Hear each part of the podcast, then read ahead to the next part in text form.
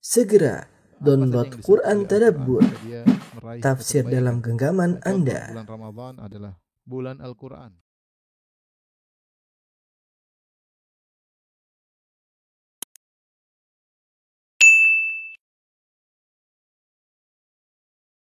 Alhamdulillahi ala ihsani wa syukru lahu ala taufiqihi wa amtinani wa syahadu an la ilaha illallah wahdahu la syarika lahu ta'ziman li sya'ni وأشهد أن محمدا عبده ورسوله الداعي إلى رضوانه اللهم صل عليه وعلى آله وأصحابه وإخوانه Uh, ikhwan dan akhwat, hadirin hadirat, bapak-bapak yang dirahmati oleh Allah Subhanahu wa taala, ibu-ibu yang dimuliakan oleh Allah Subhanahu wa taala. Uh, Alhamdulillah puji dan syukur kita panjatkan kepada Allah yang masih memberikan kita kekuatan sehingga bisa sholat berjamaah pada hari ini sholat maghrib semoga sholat kita diterima oleh Allah Subhanahu Wa Taala. Salawat dan salam tercurahkan selalu kepada junjungan kita Nabi Muhammad sallallahu alaihi wasallam juga kepada keluarganya serta seluruh sahabat beliau tanpa terkecuali. Uh, sebagaimana kita ketahui bahwasanya umat ini menjadi umat yang terbaik di antaranya karena beramar ma'ruf dan bernahi mungkar itu berdakwah di jalan Allah Subhanahu wa taala. Allah berfirman kuntum khaira ummatin ukhrijat linnas ta'muruna bil ma'rufi wa tanhauna 'anil munkari wa tu'minuna billah. Kata Allah Subhanahu wa taala, kalian adalah umat yang terbaik yang dikeluarkan bagi manusia ya. Apa khairiyah keterbaikan yang dimiliki oleh umat di antaranya Kata Allah Subhanahu wa taala, "Ta'muruna bil ma'ruf wa tanhauna 'anil munkar."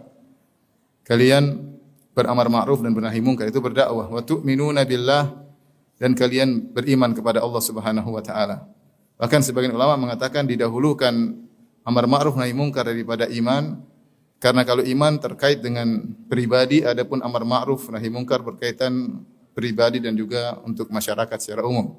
Dengan tegaknya umat ini di atas uh, dakwah maka uh, terbebaskan dari laknat Allah Subhanahu wa taala sebagaimana Bani Israel dilaknat karena mereka tidak beramar ma'ruf nahi munkar. Lu'ina alladziina kafaru min bani Israil ala lisani Dawud wa Isa bani Maryam dzalika bima asaw wa kanu ya'tadun kanu la yatanahawna 'an munkarin fa'aluh. Telah dilaknat Bani Israel melalui lisan Nabi Daud dan Nabi Isa akibat maksiat yang mereka lakukan dan pelanggaran yang mereka lakukan kanu la yatanahawna 'an munkarin fa'alu mereka tidak bernahi mungkar atas kemungkaran yang dilakukan oleh sebagian mereka mereka membiarkan dan dengan beramar ma'ruf nahi mungkar dengan berdakwah maka suatu negeri tidak akan dihancurkan oleh Allah Subhanahu wa taala. Wa ma kana rabbuka liyuhlikal qura wa ahluha muslihun. Dan Rabbmu tidak akan menghancurkan sebuah negeri sementara penduduknya ada yang melakukan perbaikan, yaitu berdakwah di jalan Allah Subhanahu wa taala. Sungguhnya pengikut sejati Nabi Muhammad sallallahu alaihi wasallam adalah orang-orang yang berdakwah di jalan Allah Subhanahu wa taala sebagaimana firman Allah Subhanahu wa taala Qul hadhihi sabili ad'u ila Allah ala basiratin ana wa man ittaba'ani wa subhanallah wa ma ana minal musyrikin Katakanlah wahai Muhammad hadhihi sabili ini adalah jalanku. Ad'u ila Allah aku menyeru kepada Allah itu menyeru kepada tauhid sebagaimana tafsir At-Tabari. Ad'u ila Allah ay ad'u ila tauhid. Aku menyeru kepada tauhid. Ala basiratin di atas ilmu. Ana wa manittaba'ani aku dan orang-orang mengikutiku. Artinya orang-orang yang benar-benar mengikutiku juga menyuruh kepada tauhid menyuruh kepada Allah Subhanahu wa taala makanya saya katakan tadi pengikut nabi yang sesungguhnya adalah orang-orang yang berdakwah di jalan Allah Subhanahu wa taala. Karenanya setiap kita berusaha untuk merasuk, masuk dalam rel dakwah. Karena itu adalah rel kemuliaan. Gerbong dakwah adalah gerbong kemuliaan. Apakah sebagai pembicara, sebagai ustadz, ataukah sebagai panitia, ataukah sebagai penyebar pamflet, ataukah sebagai donatur, atau apa saja yang penting berkecimpung dalam dakwah. Tentunya tidak semua jadi pembicara ya. Tetapi kita berusaha masuk dalam rel dakwah. Ya. Sebagai apa pun kita, kita punya sumbangsi dalam dalam dakwah. Masalah pahala serahkan kepada Allah Subhanahu wa taala. Belum tentu pembicara lebih banyak pahalanya daripada panitia, belum tentu. Apalagi panitia belum tentu daripada pembicara. bisa jadi orang yang ngatur-ngatur motor, yang ngatur-ngatur mobil, parkiran, bisa jadi pahalanya, dia ikhlas. Pembicara belum tentu ikhlas. Justru pembicara lebih mudah terjerumus dalam ria karena di hadapan banyak orang. Tapi maksud saya, kalau antum kita tidak mau masuk dalam rel dakwah, maka Allah akan siapkan orang-orang lain yang akan masuk dalam rel tersebut. Maka kita bersyukur kepada Allah Subhanahu wa taala kalau kita masuk dalam rel rel dakwah. Jadi setiap orang berusaha untuk berdakwah, berdakwah di rumahnya sesuai dengan kapasitas ilmu yang dia dapatkan. Baldighu anni walau ayah Sampaikanlah dariku meskipun satu ayat kata Nabi sallallahu alaihi wasallam di kantornya dia berdakwah mengajak orang untuk kebaikan, paling tidak ngajak mereka untuk ikut pengajian, men-share uh, dakwah yang baik kepada masyarakat, memberi contoh yang baik kepada masyarakat bagaimana seorang yang sudah ngaji, sudah kenal sunnah harusnya akhlaknya lebih baik daripada orang secara umum. Intinya saya katakan pengikut Nabi sallallahu alaihi yang sungguhnya adalah orang-orang yang berdakwah kepada tauhid berdasarkan firman Allah Ad'u ila Allah ala basiratin ana wa man ittaba'ani. Aku menyuruh kepada Allah di atas ilmu, aku dan orang-orang yang mengikutiku. Artinya pengikut Nabi yang sungguhnya juga berdakwah di jalan Allah Subhanahu wa taala. Dan orang yang berdakwah di jalan Allah dia telah menyampaikan perkataan yang terbaik.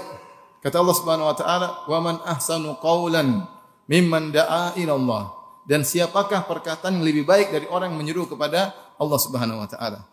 Mengingatkan manusia kepada akhirat. Apalagi di zaman sekarang zaman orang terpedaya dengan materi, tenggelam dalam materi, menghabiskan umur untuk hal-hal yang tidak bermanfaat. Kemudian dia ingatkan manusia masyarakat agar kembali kepada Allah Subhanahu wa taala. Baik. Hadirin hadirat yang dirahmati Allah Subhanahu wa taala, topik kita bukan tentang keutamaan dakwah karena keutamaan dakwah sangat banyak keutamaannya. Tapi topik kita adalah bersabar dalam berdakwah di jalan Allah Subhanahu wa taala. Seorang yang berdakwah mau tidak mau dia pasti akan uzi, dia pasti akan diganggu, dihalangi. Itu sudah sunnatullah. Sudah sunnatullah. Makanya kalau ada orang dakwah tapi tidak ada yang ganggu itu berarti bermasalah dia. Sana Semuanya sana halal, sini halal, semuanya halal, semuanya boleh. Ini enggak beres ya. Karena sunnatullah pasti orang berdakwah dia pasti diganggu ada rintangan. Meskipun dia tidak mencari rintangan. Rintangan itu pasti datang. Ini sudah disyaratkan oleh Allah Subhanahu wa taala. Wal asr innal insana lafi khusr. Demi masa sungguhnya seluruh manusia dalam kerugian alladziina amanu kecuali orang yang beriman wa amilus solihat dan orang-orang beramal saleh wa tawasau bil haqq dan saling berwasiat dalam kebaikan artinya berdakwah. Kemudian watawasau bis sabar dan saling berwasiat untuk sabar. Konsekuensi kalau kita saling berwasiat dalam kebaikan, menyuruh kepada amar ma'ruf, bernahi mungkar, pasti kita akan diuji. Oleh karenanya wasiat berikutnya watawasau bis sabar. Dan mereka saling berwasiat, saling menasihat untuk sabar karena beramar ma'ruf nahi mungkar pasti diganggu. Dan itu pula yang diisyaratkan oleh Luqman kepada putranya, "Ya bunayya, aqimis salata wa'mur bil ma'ruf wanha 'anil munkar wasbir 'ala ma asabak." Wahai putraku, ya, aqimis salat, dirikan salat. Wa'mur bil ma'ruf dan serulah kepada yang ma'ruf, wanha 'anil munkar dan cegahlah kemungkaran. Kemudian kata Luqman kepada putranya, "Wasbir 'ala ma asabak." Dan bersabarlah atas musibah yang menimpamu. Kenapa kata para ulama? Karena orang yang beramar ma'ruf nahi mungkar pasti dia akan diuji. Bagaimana tidak diuji? Dia melarang manusia, masyarakat dari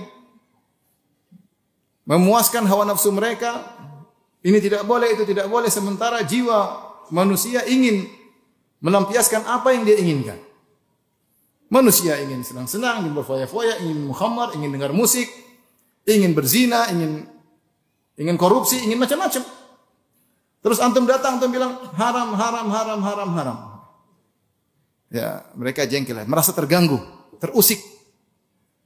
Wajar ya. Kecuali antum bilang halal, halal, halal, ya oke, ada masalah. Antum tidak akan diganggu, akan diulu-ulukan. Ini baru bicara tentang syahwat. Untuk bilang tidak boleh, ini tidak boleh, ini tidak boleh. Saya pernah melihat suatu klip ketika ada seorang dai ditanya tentang nonton Korea. Drakor, drama apa? Korea.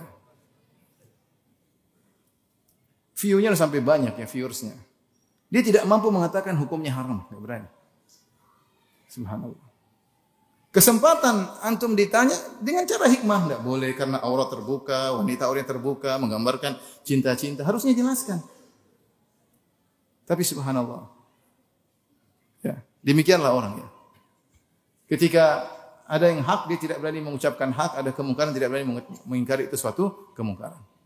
Oleh karenanya, seorang berdakwah dia pasti diuji karena dia mencegah manusia masyarakat dari memuaskan hawa nafsu mereka.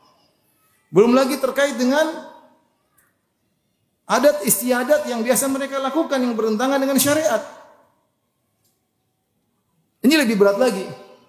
Makanya Ibnu Qayyim rahimahullah taala menyebutkan sebab utama terhalang hidayah adalah berpegang teguh kepada tradisi nenek moyang. Seakan-akan nenek moyang Alkitab wa sunnah. Seakan nenek moyang kita turun dari langit membawa Al-Quran dan sunnah. Ini sebab utama terhindarkan seorang terhalang dari hidayah. Oleh karena umat-umat terdahulu, mereka tidak mengikuti para rasul. Kenapa? Karena berpegang teguh dengan tradisi. Inna wajadna aba'ana ala ummah wa inna ala atharihim muqtadun. Kami mendapati nenek moyang kami sudah begini. Kami tinggal mengikuti nenek moyang kami. Seakan-akan nenek moyang harga mati. Seakan-akan tradisi harga harga mati. Ini sangat berat, lebih berat. Ya. Nabi SAW ketika diutus ke negeri Jaziratul Arab, Nabi SAW mendapati banyak tradisi. Tradisi-tradisi yang baik Rasulullah SAW pertahankan. Bahkan Rasulullah SAW mengatakan, Innama bu'istu li utammima makarimal akhlak. Sungguhnya aku ini diutus untuk menyempurnakan akhlak mulia. Kenapa? Karena akhlak mulia sudah ada pada orang-orang Arab. Cuma disempurnakan lagi oleh Nabi. Artinya tradisi akhlak mereka ada yang bagus seperti keberanian, seperti uh, karam, apa mulia memuliakan tamu, seperti setia kawan. Di antara asar yang menakjubkan tentang setia kawan orang-orang Arab jahiliyah dahulu tentang kisah Abu Bakhtari. Abu Bakhtari ini seorang musyrik yang membela Nabi Shallallahu alaihi wasallam. Dia punya jasa ya ketika untuk membatalkan boykot pemboikotan kaum Quraisy terhadap Bani Hashim selama tiga tahun. Yang pemboikotan tersebut menjadikan Bani Hashim di antaranya Nabi SAW kelaparan, para para sahabat banyak kelaparan, banyak anak-anak yang meninggal. Kemudian dia bekerja sama dengan lima orang musyrik lainnya untuk membatalkan pemboikotan tersebut. Dia punya jasa. Ketika Nabi masih di Mekah tentunya. Ketika Nabi SAW sampai di Madinah, terjadilah perang Badar pada tahun 2 Hijriah. Dalam perang Badar tersebut Rasulullah SAW ingatkan kepada para sahabat, kalau kalian ketemu Abu Bakhtari dan dia musyrik, jangan bunuh dia. Karena jasanya.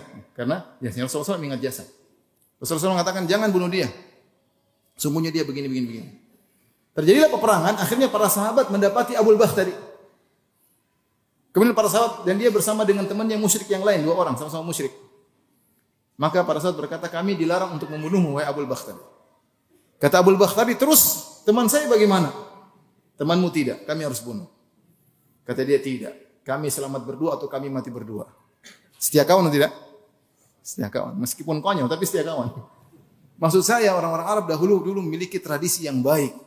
Setia kawan, keberanian, ya. kemudian cemburu kepada istri-istri mereka, kemudian di antaranya uh, memuliakan tamu. Banyak akhlak mereka yang baik dan Nabi mengakui akhlak tersebut bahkan menyempurnakan kata Nabi sallallahu alaihi wasallam innama bu'istu li utammima makarimal akhlak. Aku diutus untuk menyempurnakan akhlak yang mulia. Tetapi tradisi-tradisi yang tidak benar Rasulullah SAW tegur tidak boleh. Tidak boleh begini, tidak boleh begini, tidak boleh syirik, tidak boleh berpegang teguh dengan tradisi nenek moyang, tidak boleh bersumpah dengan nama selain Allah, tidak boleh menyembah berhala, tidak boleh jimat-jimat Rasulullah SAW larang. Kebiasaan tradisi ya, percaya kepada dukun Rasulullah SAW larang, itu semua tradisi jahiliyah, percaya jimat, percaya dukun, melakukan sihir, ya. dan banyak hal. Menyembelih kepada selain Allah, Rasulullah SAW larang seluruhnya. Jadi tradisi yang yang baik Rasulullah SAW pertahankan, bahkan Rasulullah SAW kembangkan, Yang tidak baik maka ditegur harus sesuai dengan syariat Islam. Nah, ketika kita berdakwah, tentunya tradisi yang baik kita pertahankan. Tapi yang tidak baik kita timbang dengan Al-Quran dan Sunnah. Itulah fungsi Al-Quran dan Sunnah. Bukan sebaliknya Al-Quran dan Sunnah ditimbang dengan tradisi. Ditimbang dengan tradisi nenek moyang. Baik, nenek moyangmu maksum, terjaga dari kesalahan, tidak pernah salah. Tentu tidak. Nenek moyang kita tidak ada yang maksum. Nenek moyang kita juga melakukan ada yang baik, ada salahnya. Ya atau tidak? Dan kita nanti akan jadi nenek moyang, ya tidak? kalau punya turunan kita jadi nenek moyang di kemudian hari seribu tahun lagi kalau masih ada kehidupan kita jadi nenek moyang. Tentunya kita sadar bahwasanya kita tempatnya salah dan benar. Oleh karenanya tradisi harus ditimbang dengan Al-Quran dan Sunnah. Dan ini banyak perkara menjadikan dakwah menjadi sulit ketika banyak masyarakat berpegang dengan tradisi. Dan ini benar, ikhwan. Ya. Ada perkara-perkara yang dipertahankan oleh masyarakat. Meskipun dari tempat tersebut banyak ulama yang muncul, banyak hufadzul Quran, tetapi mereka tidak bisa merubah tradisi tersebut karena di sana ada orang-orang kita bukan bicara agama lain, kita bicara saudara-saudara kita sama muslim yang berpegang teguh dengan tradisi kemudian menjadikan tradisi sebagai barometer kebenaran untuk menimbang Al-Quran dan Sunnah. Kemudian mereka berloyal dan bermusuhan di atas tradisi tersebut. Ini perkara yang menyedihkan, tapi itulah kenyataan maksud saya. Hal-hal yang menjadikan kita perlu bersabar dalam berdakwah karena orang yang berdakwah pasti akan diuji, pasti. Ya, pasti. Kecuali tadi antum ingin mencari pujian masyarakat ya ke sana boleh, ke sini boleh. Ada kemungkaran antum tidak tegur, ada kesyirikan antum diam-diam saja. Ya. Biar aman. Aman dan tentram. Ya. Tapi tanggung jawab di hadapan Allah, antum akan ditanya oleh Allah pada hari kiamat kelak. Apalagi antum adalah seorang dai. Baik. Ikhwan akhwat yang Allah Subhanahu wa taala. Ini semua menunjukkan seorang yang berdakwah di jalan Allah dan bukan cuma pembicaranya saja, semua akan terkena ujian. Pembicaranya, baik panitianya, baik donaturnya ya. Kalau sudah hati masuk dalam rel dakwah, maka pasti diuji, pasti di diuji. Dan antum-antum ini juga yang hadir depan saya ini, mau tidak mau antum ini tampangnya banyak tampang-tampang ustadz ya. Lebih ustadz daripada tampang saya. Jadi masyarakat lihat antum dengan pandangan spesial. Jenggotnya lebih panjang, celananya lebih cingkrang, ya sudah terus. ya sudah, ya berarti masyarakat akan mengantum dengan pandangan yang lebih khusus. Maka antum harus tunjukkan bahwasanya orang di atas sunnah adalah orang yang berakhlak mulia. Apa kata Syekhul Islam Ibn Taimiyah rahimahullah taala Minhajus Sunnah Nabawiyah? Ahlus sunnah a'lamun nasi bil haq wa arhamuhum bil khalq ahlu sunnah wal jamaah adalah kelompok yang paling tahu tentang kebenaran dan yang paling kasih sayang terhadap masyarakat. Maka antum harus benar-benar sabar berhadapan dengan saudara-saudara kita yang mungkin tidak sesuai dengan kita atau menuduh dengan tuduhan yang tidak-tidak atau melakukan sebagian pengrusakan, hujatan, penghinaan, sabar ya. Sabar ya. Kalau antum tidak bisa bersabar, tidak usah masuk dalam rel dakwah. Mending keluar. Yang masuk dalam rel dakwah harus ber, bersabar. Kalau nggak bersabar nggak bisa. Oleh karenanya Allah Subhanahu wa taala menyebutkan kisah-kisah dalam Al-Qur'an, isinya disuruh bersabar dalam dakwah. Di antaranya misalnya kisah Nabi Nuh alaihissalam. Allah sebutkan dalam surat Al-Ankabut kata Allah Subhanahu wa taala Alif Lam Mim ahasiban nasu ayyutraku ayyaqulu amanna wa hum la yuftanun. Walaqad fatanna alladziina min qablihim fala ya'lamanna Allahu alladziina shadaqu wa la ya'lamanna al-kadzibin. Kata Allah Subhanahu wa taala Alif Lam Mim. Apakah manusia dibiarkan mengucapkan kami telah beriman lantas mereka tidak diuji? Sungguh kami telah menguji orang-orang sebelum mereka agar Allah benar-benar tahu mana yang imannya benar, mana yang imannya dusta. Sehingga kemudian Allah sebutkan ujian-ujian sampai Allah menyebutkan tentang kisah Nabi Nuh Laqad arsalna Nuhan ila qaumihi. Falabitha fihim alf sanatin illa khamsina aman. Fa akhadhahum at-tufan wa hum zalimun. Kata Allah, setelah itu Allah sebutkan contoh contoh kesabaran luar biasa yang Allah uji imannya adalah Nabi Nuh alaihissalam. Sungguh kami telah mengutus Nuh kepada kaumnya dan dia berdakwah kepada kaumnya 950 tahun. Berapa? 950? 50 tahun. Sampai Allah abadikan satu surat namanya surat Nuh. Surat Nuh. Sebenarnya mengatakan ini surat di mana Nabi Nuh curhat kepada Allah. Setelah 950 tahun dia berdakwah. Dan Allah sudah kabarkan bahwasanya lan yu'mina min qaumika illa man qad aman. Wahai Nuh, tidak mungkin lagi ada yang beriman. Sudah, selesai. Selesai. Sudah 950 tahun engkau berdakwah. Maka Nabi Nuh cerita tentang dakwahnya. Rabbi inni da'autu qaumi laila wa nahara. Ya Rabbku aku dakwahi kaumku siang dan malam. Bukan ba'da maghrib saja ya. Siang dan malam. Berapa tahun? 950 tahun. Falam yazidhum du'ai illa firara. Tidaklah aku berdakwah kecuali mereka semakin kabur. Ini Nuh, nabi, bukan ustaz, apa? Nabi. Falam yazidhum du'ai illa firara. Semakin aku berdakwah mereka semakin kabur. Wa inni kullama da'awtuhum litaghfira lahum. Perhatikan Nuh bagaimana dia tulus. Setiap aku dakwahi mereka agar engkau ampuni mereka. Tidak ada niat lain bukan karena dendam, tidak ada. Litaghfira lahum agar engkau ampuni mereka. Sayang. Makanya Nabi Nuh, ya qaumi, kata Nabi Nuh, wahai kaumku, wahai kaumku, wahai kaumku, wahai saudaraku, wahai saudaraku. Dia berdakwah dengan tulus. Niatnya agar kaumnya diampuni. Wa inni kullama da'awtuhum litaghfira lahum, setiap aku dakwahi mereka agar engkau ampuni mereka ya Rabb, ja'alu asabi'ahum fi adhanihim, maka mereka masukkan jari mereka di telinga mereka. Allah tidak mengatakan ja'alu ya usbu'aihim, tapi Allah mengatakan asabi'ahum. Mereka masukkan jari-jari mereka di telinga. Seakan-akan begini. Padahal satu sudah cukup kan? Tapi Allah ingin menunjukkan bahwasanya mereka benar-benar menutup apa? Telinga mereka. Wastaghshaw thiyabahum. Kemudian mereka ambil baju mereka tutup wajah mereka tidak mau lihat Nabi Nuh. Artinya Nabi Nuh kalau mau dakwah, Nuh mau dakwah sebentar. Tafadhal. Itu sangat menjengkelkan, tahu enggak? Sangat menjengkelkan. Saya aja kalau lagi ceramah ada yang main HP saya jengkel. Cuma saya sabar. Ini apalagi antum ada teman dulu kita dakwah, saya sudah diingatkan, saya pernah dakwah satu tempat. Teman bilang, Ustaz, nanti kalau antum dakwah situ, ada salah satu seorang orangnya cuek bebek, nanti antum lagi dakwah dia tidur depan antum. Kemudian tidur gini, kemudian Ustaz, Ustaz, dia potong pertanyaan antum, ceramah antum dipotong tengah jalan. Masa ada begitu? Ada Ustaz, ya benar. Begitu saya dakwah benar orang itu. Terus satu yang lain semua duduk serius, dia duduk depan, duduk depan. Tidur-tiduran. Kita lagi ngomong, ayo sat, sat, sat. Tapi dia serius dengerin. Nanti di tengah jalan kita ngomong dia, subhanallah. Tapi lama-lama subhanallah dia kenal kenal sunnah, kenal sunnah. Sekarang semangat dalam jalan apa? Dakwah tidak begitu lagi. Tidak begitu lagi. Antum ada nggak kayak gitu? Anak suruh keluar. Cari tempat tidur yang bagus ya. Baik. Jadi lihat Nabi Nuh alaihissalam berdakwah 950 tahun bukan sebentar dengan matu yang seperti itu. Dan lihat ujian apa? Ujian lebih parah lagi. Istrinya kafir. Anaknya kafir. Uh, berat. Untuk bayangkan antum bayangkan ada seorang ustaz ceramah istrinya misalnya tidak pakai jilbab.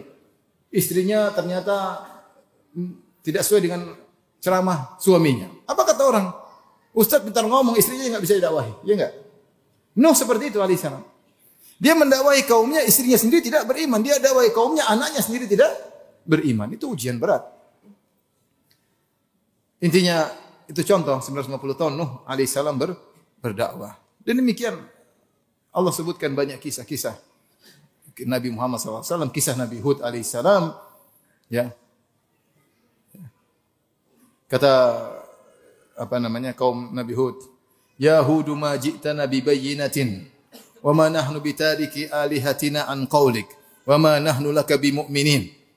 Pernyataan kaum Nabi Hud, wahai Hud, kau tidak datangkan bukti bahwasanya kau seorang nabi, utusan Tuhan. Wa ma nahnu bitariki alihatina an dan kami tidak bakalan meninggalkan sembahan-sembahan kami karena dakwahmu enggak bakalan. Wa ma nahnu laka dan kami tidak bakalan beriman. Subhanallah, ikrar tidak mau beriman.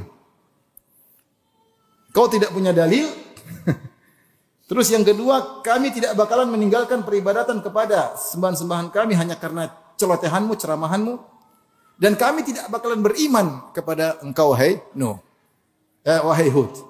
Inna qulu illa taraka ba'du alihatina bisu. Dan kami katakan wahai Hud kalau kau terus berdakwah kau akan terkena kualat dari Tuhan-Tuhan kami. Kau akan terkena penyakit gila. Mereka malah ngancam. Dalam ayat yang lain mereka berkata sawaun alaina awa'azta am lam takun binal wa'idin. Wahai Hud, sama saja percuma. Kau ceramah enggak ceramah sama saja, sudah berhenti. Menjengkelkan atau tidak? Menjengkelkan. Ya. Tapi begitulah Allah kisahkan Allah kisahkan kisah Nabi Nuh kepada Nabi Muhammad SAW ketika Nabi sedang berdakwah di Mekah dan itu butuh kesabaran yang luar biasa. Namun ketika Allah cerita tentang kisah Nabi Hud, Nabi Nuh di surat Hud di akhir kisah Nabi Nuh Allah berkata wasbir innal akibata lil muttaqin. Bersabarlah wahai Rasulullah. Sungguhnya kesudahan yang terbaik bagi orang-orang yang yang bertakwa. Jadi ikhwan dan akhwat yang rahmati Allah Subhanahu wa taala, Ketika kita masuk dalam rel dakwah, kita harus sudah mempersiapkan diri kita untuk diuji. Karena itu suatu hal yang tidak bisa kita hindari. Ya, tidak bisa kita hindari. Kita pasti diuji. Dan kita sekarang hidup di zaman medsos, zaman internet yang semua orang bisa menyerukan apa yang dia yakini. Orang-orang ateis berbicara dengan yang mereka kehendaki, mereka menyebarkan syubhat. Orang-orang liberal dengan syubhatnya, dengan kekuatannya, ya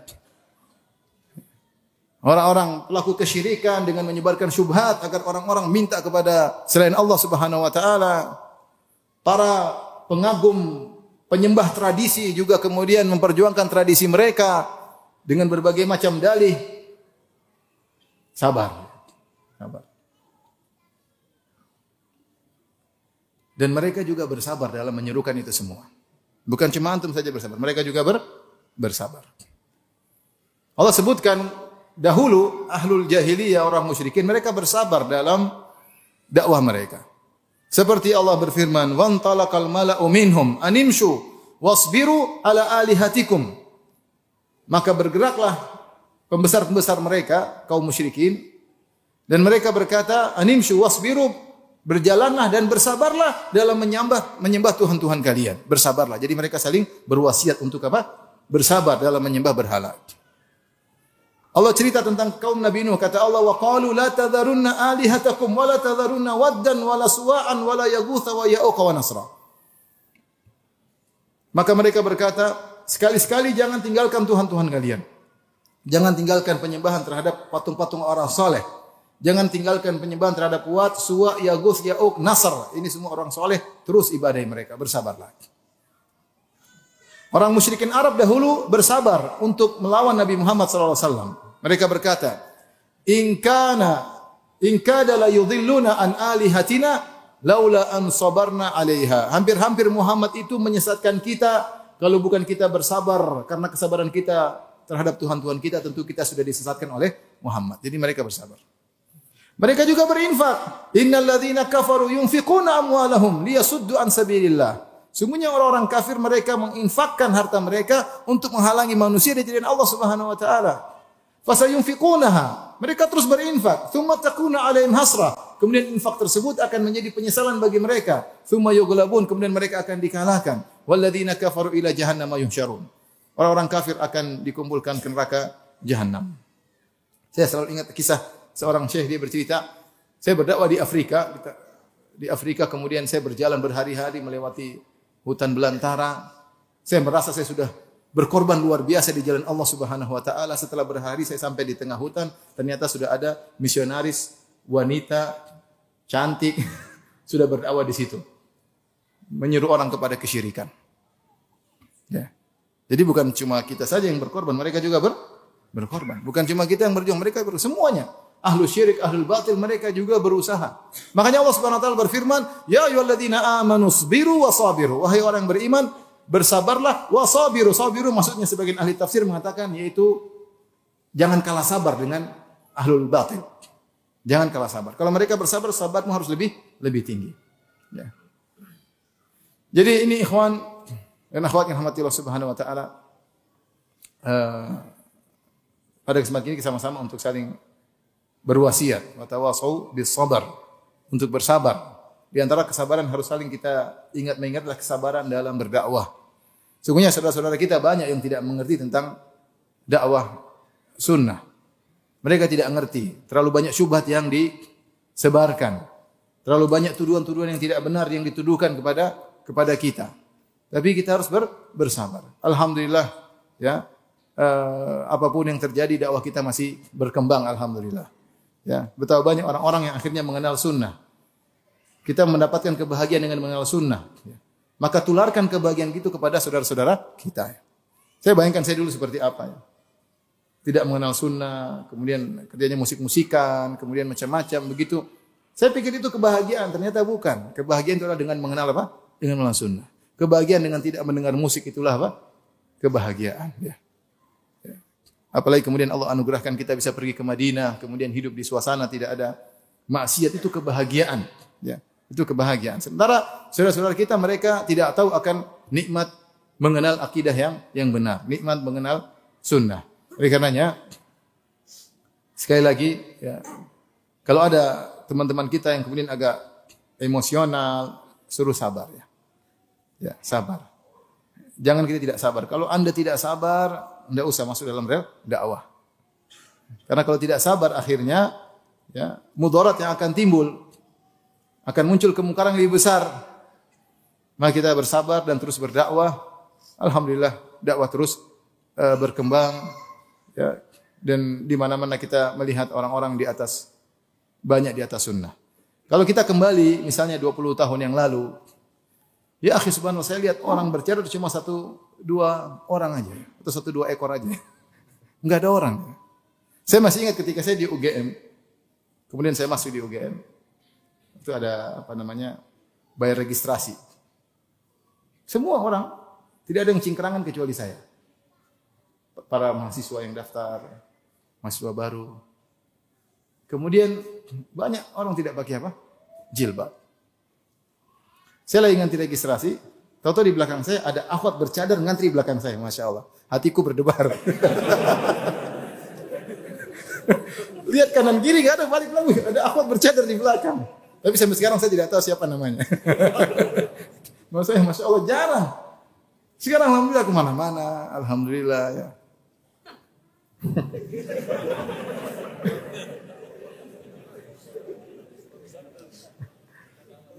Jangan kepo ya. Jadi alhamdulillah ya. Lihat orang-orang terdahulu ya, para ustadz-ustadz dahulu mereka sabar dan mereka diuji jauh daripada daripada kita ini ujiannya enggak seberapa. Orang-orang dahulu ustadz senior-senior kita mereka diuji luar biasa. Terkadang jiwa mereka dipertaruhkan, tapi mereka sabar.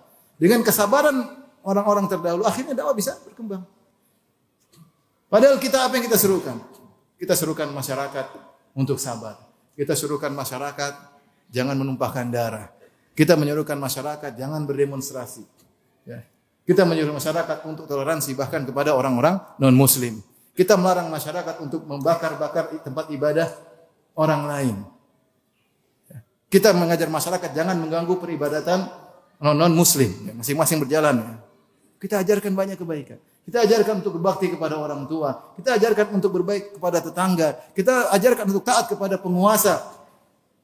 Tapi lihat di luar, orang-orang sunnah suka mengkafirkan orang lain. Orang sunnah suka begini, suka eh, sabar lah, mau diapain. Ya. ya, sabar aja ya.